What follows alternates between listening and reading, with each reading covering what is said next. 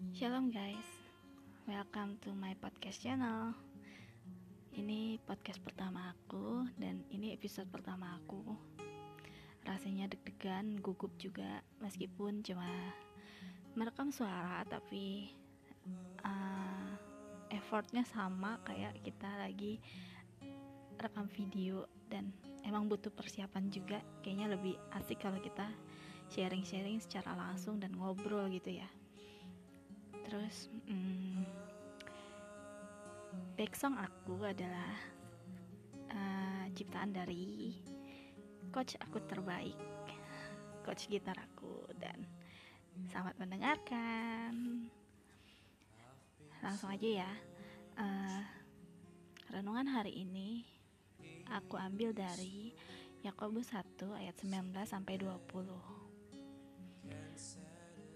aku bacain ya ayatnya Hai saudara-saudara yang kukasihi, ingatlah hal ini, setiap orang hendaklah cepat untuk mendengar, tetapi lamban untuk berkata-kata, dan juga lambat untuk marah, sebab amarah manusia tidak mengerjakan kebenaran di hadapan Allah.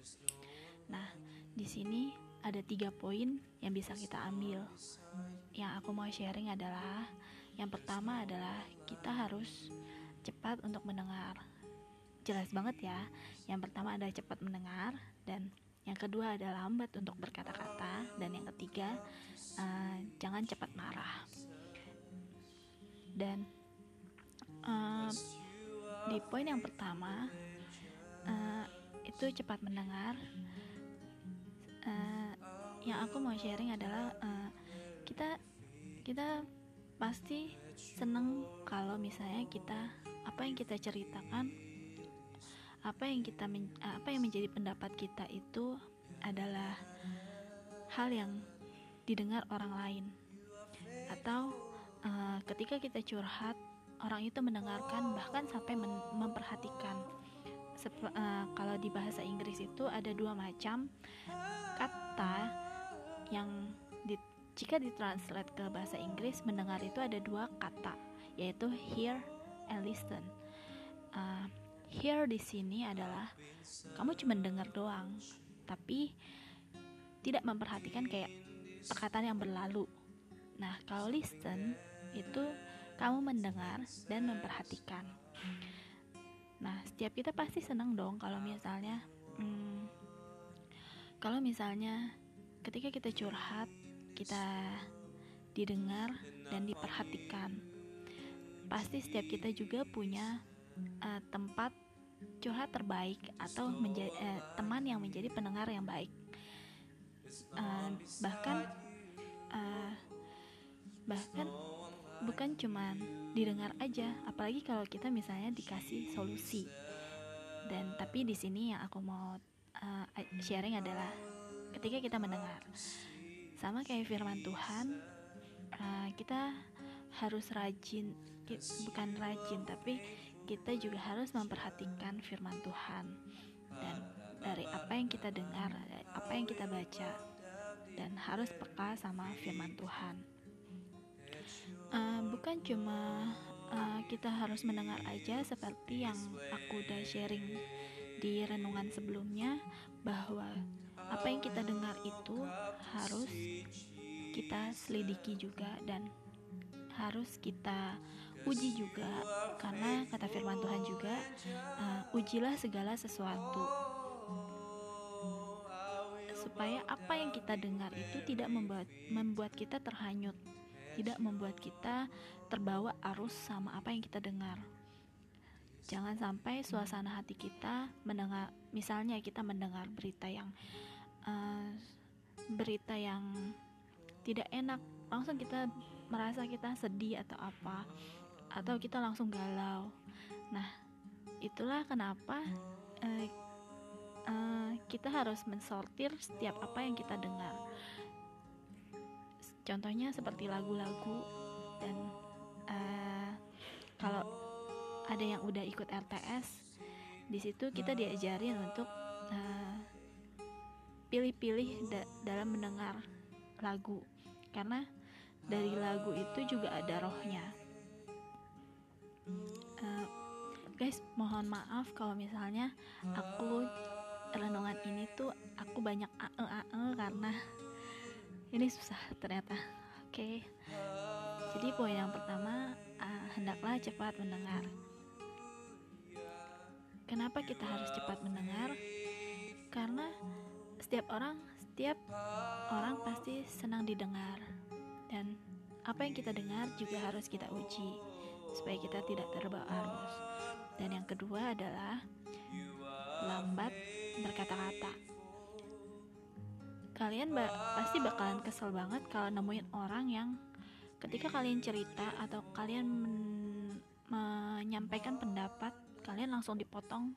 Sedangkan dia si lawan bicara ini bakalan ngomong terus sampai nggak ada berhentinya. Pasti kalian kesel banget seolah-olah kalian ditolak gitu kan nah uh, seperti tahun ini tahun dalam hitungan tahun Yahudi tahun ini tuh sampai September nanti masih dibilang sebagai tahun P tahun mulut tahun di mana uh, kita harus menjaga mulut kita.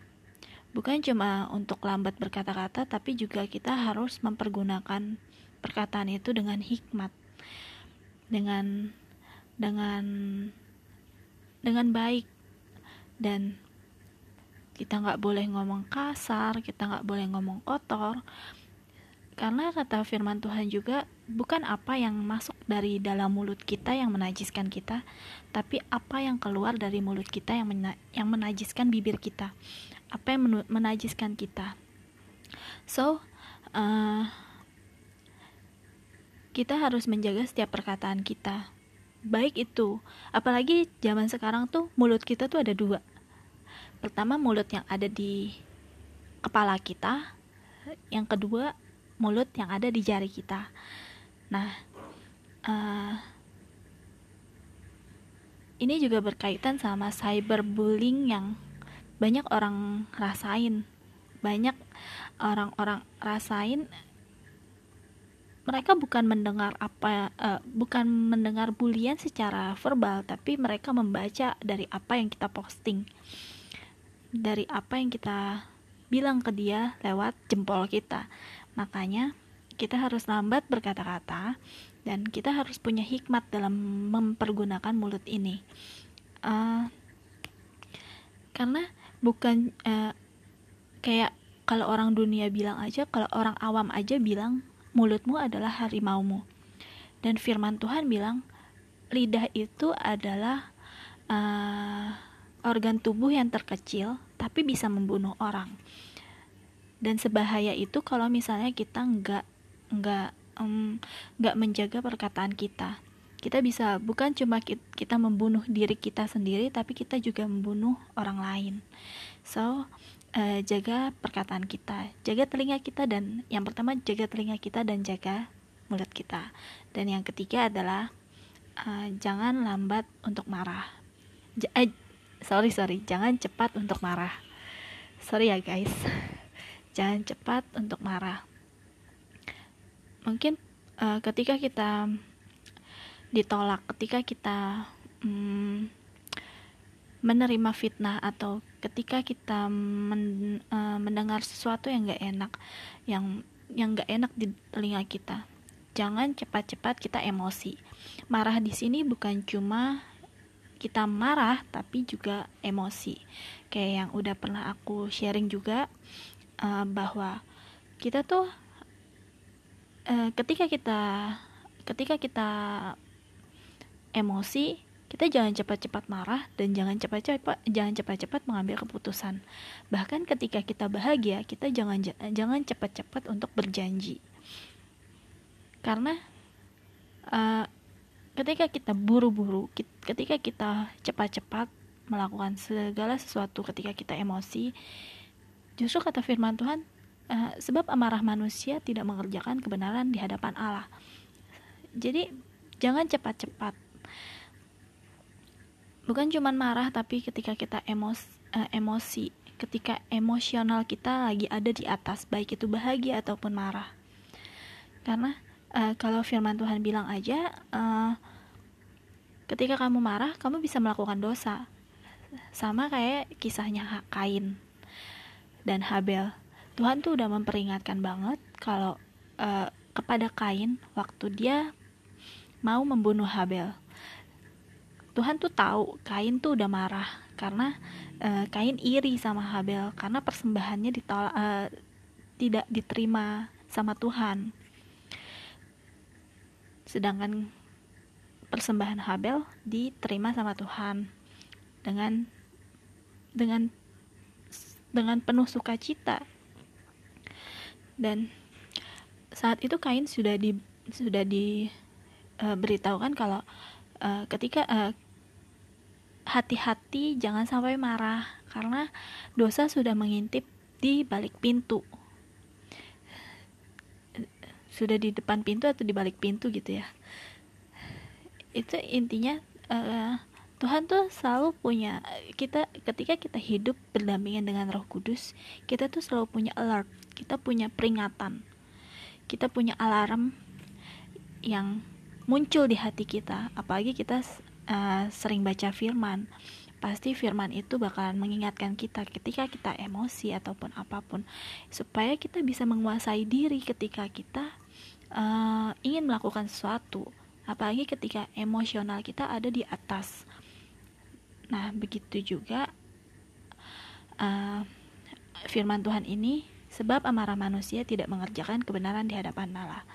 Maka dari itu uh, setiap emosi kita harus uh, kita kontrol dengan penguasaan diri.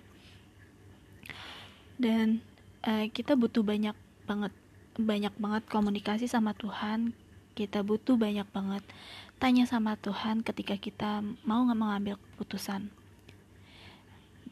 Uh, dan di sini orang yang marah itu pasti dia nggak eh, kalau kita nggak punya penguasaan diri ketika kita marah kita bakalan bisa membunuh orang bukan cuma lewat uh, perbuatan kita, bukan cuma dengan cara membunuh dia secara jasmani, tapi kita juga bisa loh marah sampai keluarin kata-kata yang bisa membunuh dia secara secara perkataan, secara verbal.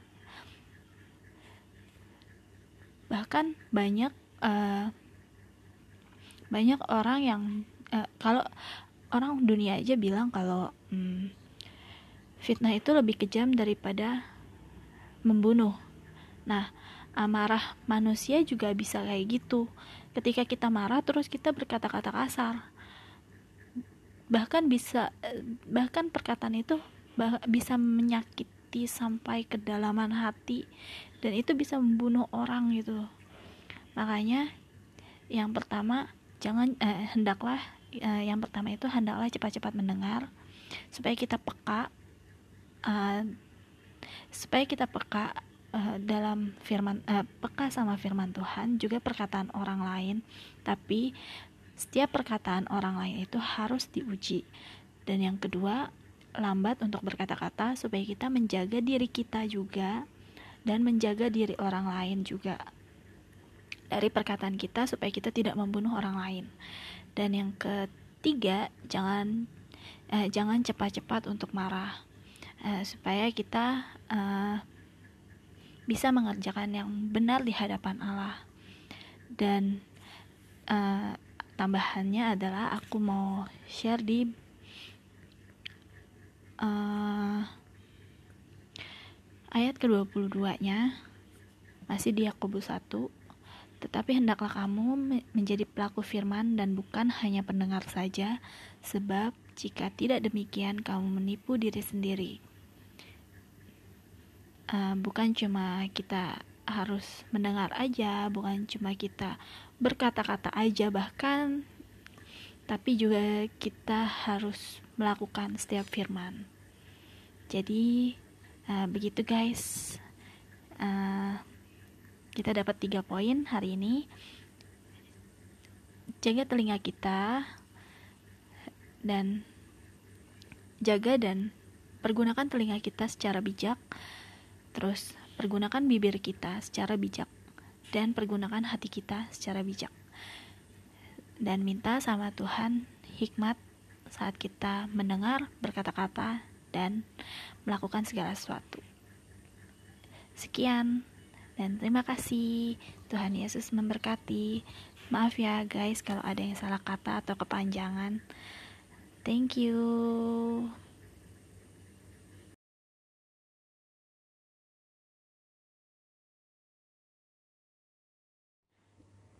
Shalom guys Welcome to my podcast channel. Selamat mendengarkan episode yang kedua Dari podcast aku. Um, Selamat hari Senin ya guys. Tetap semangat ya guys. Percayalah bahwa setiap hari itu Adalah hari yang baik Dan uh, Bahwa Setiap hari itu ada berkat Tuhan Yang selalu baru buat kita semua. Amin. Dan penyertaan Tuhan selalu ada buat kita. Amin. So, so uh, sekarang langsung aja ya buat dengerin renungan.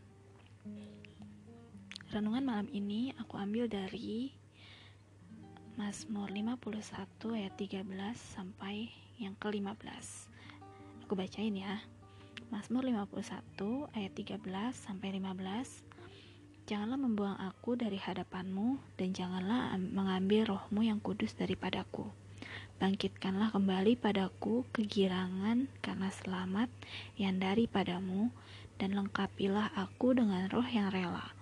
Maka aku akan mengajarkan jalanmu kepada orang-orang yang melakukan pelanggaran, supaya orang-orang berdosa berbalik kepadamu.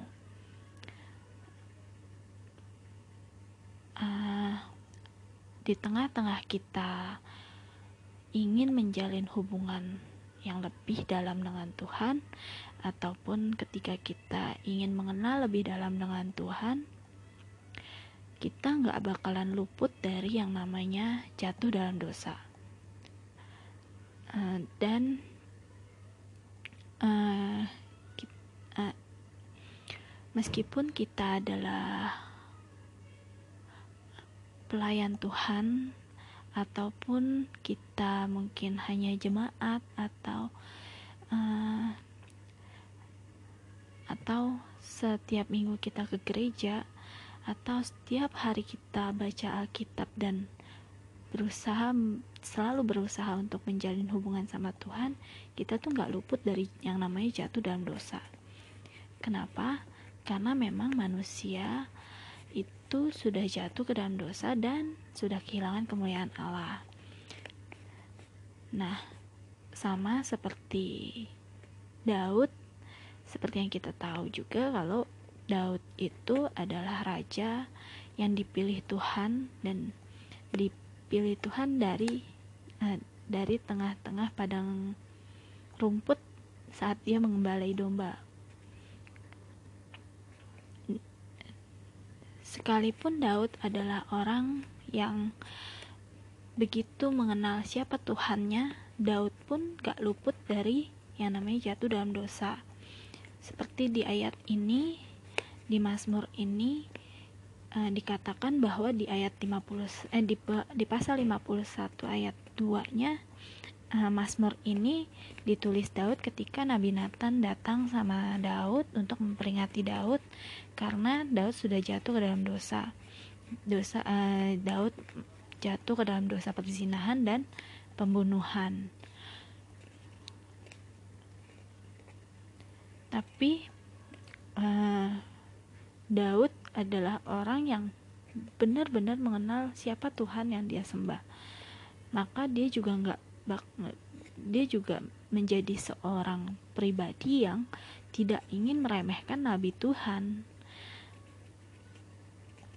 Uh, ketika Daud dihampiri oleh Nabi Nathan, Daud gak bilang, uh, "Aku ini seorang raja, aku yang mempunyai kekuasaan." Tapi Daud justru malah melakukan sebaliknya. Ketika Nabi Nathan memperingatkan dia tentang dosanya, Daud hmm, Daud me, malah merendahkan diri, merendahkan hatinya untuk mau dikoreksi, untuk mau diperingati. Berbeda halnya dengan Saul yang dia malah uh, ketika dia diurapi dia menjadi sombong. Dia merasa kalau pengurapan Tuhan itu akan selamanya ada sama dia uh, tanpa dia harus jaga tapi karena uh, Daud adalah seorang yang begitu mengenal Tuhannya dan mengenal siapa Tuhannya di tengah-tengah uh, dia di tengah-tengah dia hidup uh, begitu dalam dengan Tuhan dia pun tetap jatuh sama dalam dosa. Tapi dia dengan rendah hati dia mau mengakui dosanya. Nah sama kayak hidup kita juga Eh, bukan hal yang mudah ketika kita ingin mengenal Tuhan lebih dalam kita pun gak akan pernah luput dari yang namanya jatuh dalam dosa. Tapi uh,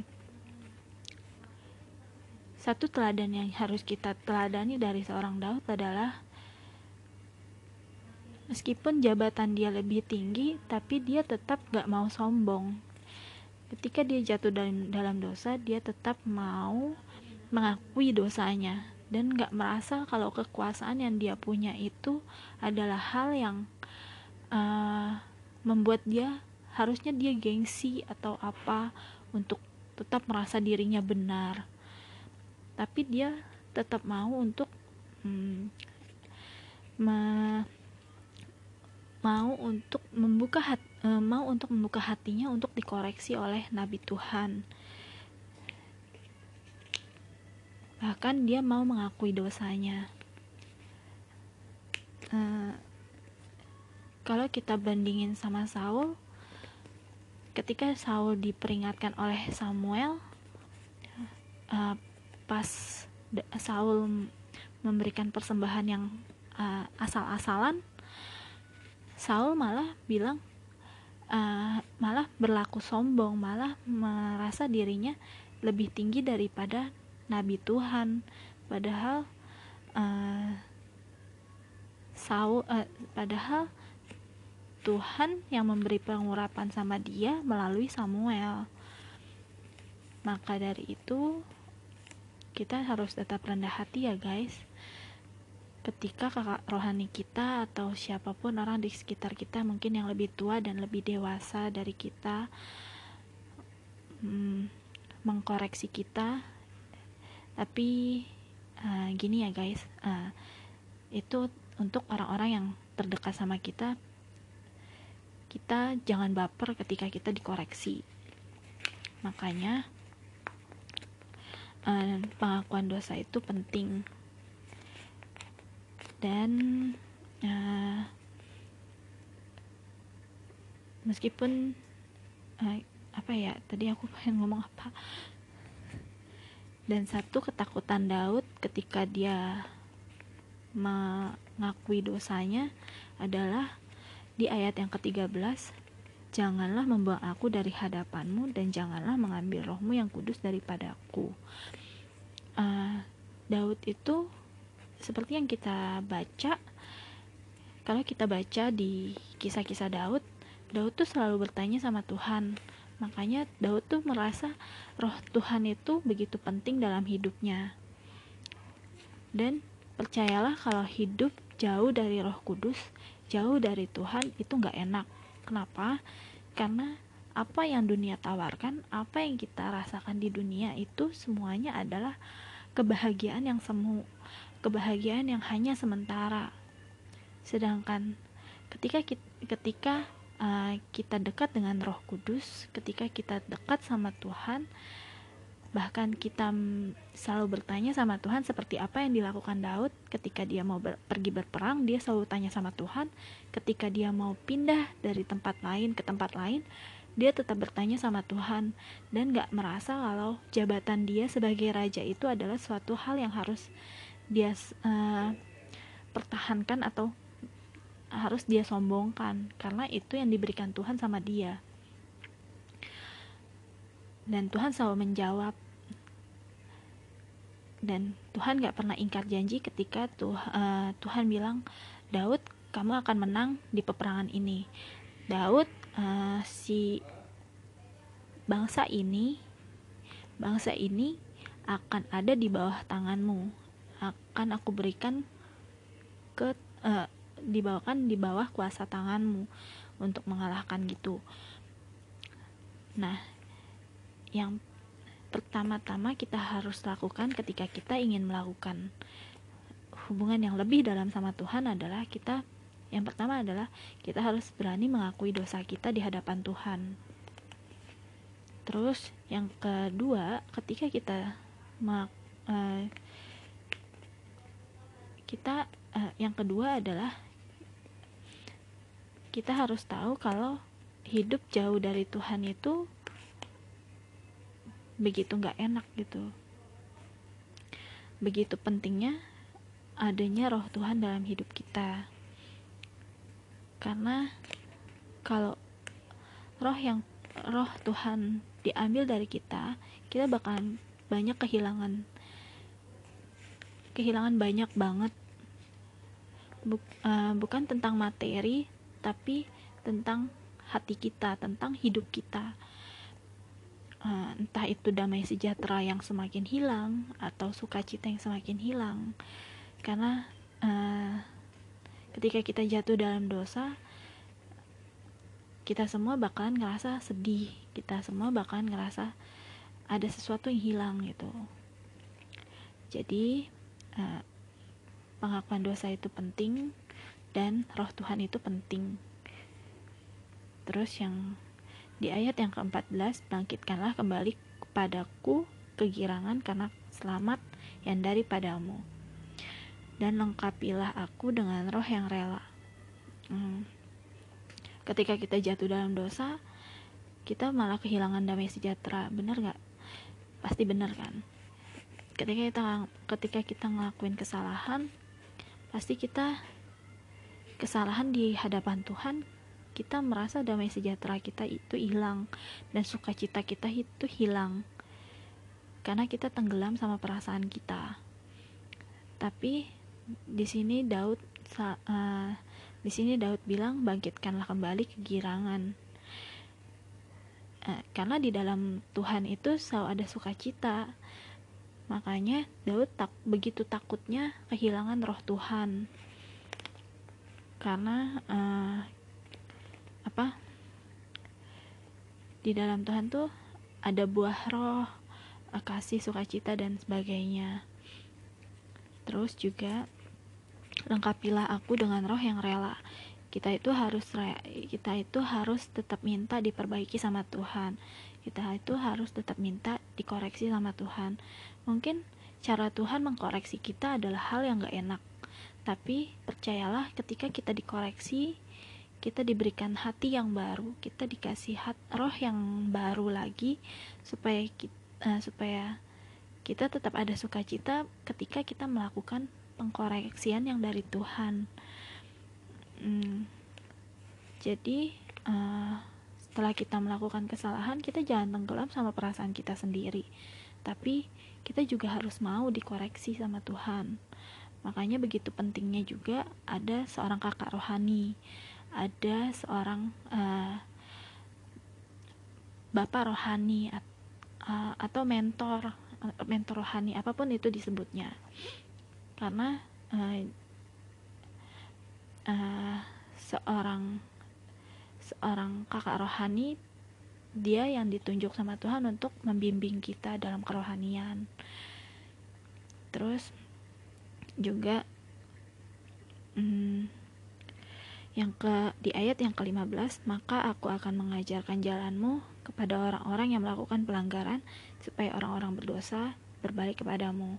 Setelah kita di setelah kita mengakui dosa kita, setelah kita dikoreksi sama Tuhan dan kita dipulihkan, kita jangan sombong. Ap, apalagi kita jadi semakin eh, atau kita malah jadi gampang menghakimi orang lain. Tapi uh, kita harus penuh dengan belas kasihan. Ini satu oh, satu ungkapan yang selalu aku dapat adalah ketika kita ketika kita dipulihkan kita akan melihat diri kita berharga. Maka dari itu uh, kita diberikan roh yang baru roh yang penuh dengan belas kasihan supaya melihat orang lain tuh dengan penuh belas kasihan juga bukan dengan roh yang menghakimi bukan dengan perkataan yang menghakimi karena uh, cara kita merampas seseorang dari dosa adalah dengan cara kita menerima dia apa adanya dan tidak menghakimi dosanya. Uh, seperti yang sebentar aku cari dulu ayatnya.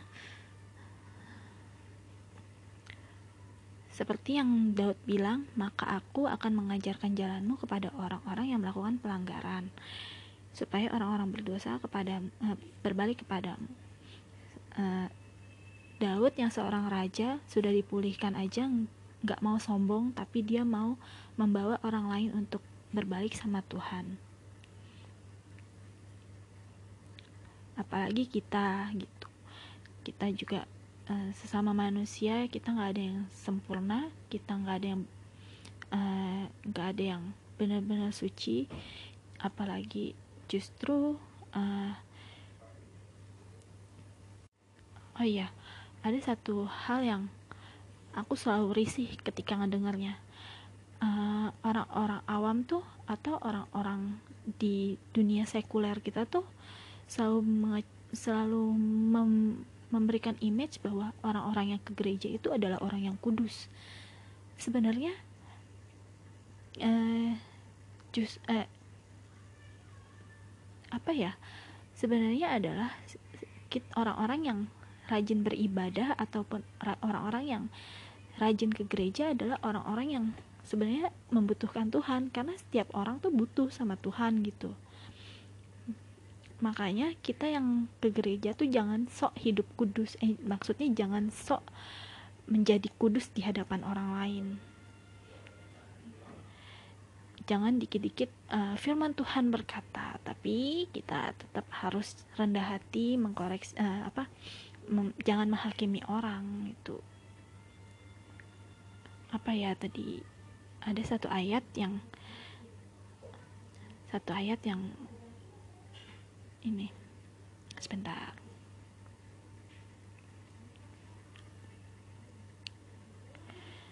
Hmm.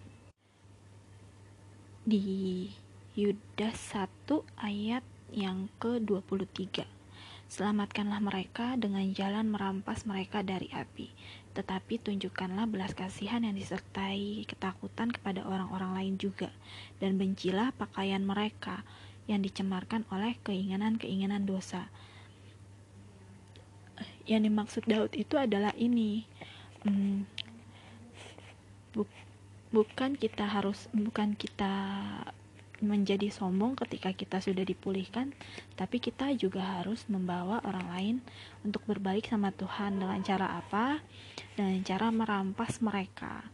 Uh, mungkin perkataan kita, uh, makanya kita harus menjaga mulut kita dari perkataan-perkataan yang gak, gak enak didengar atau perkataan-perkataan yang tidak um, membuat orang lain justru malah uh, bukan menjadi kita bukan uh, malah kita bukan menjadi berkat untuk mereka gitu.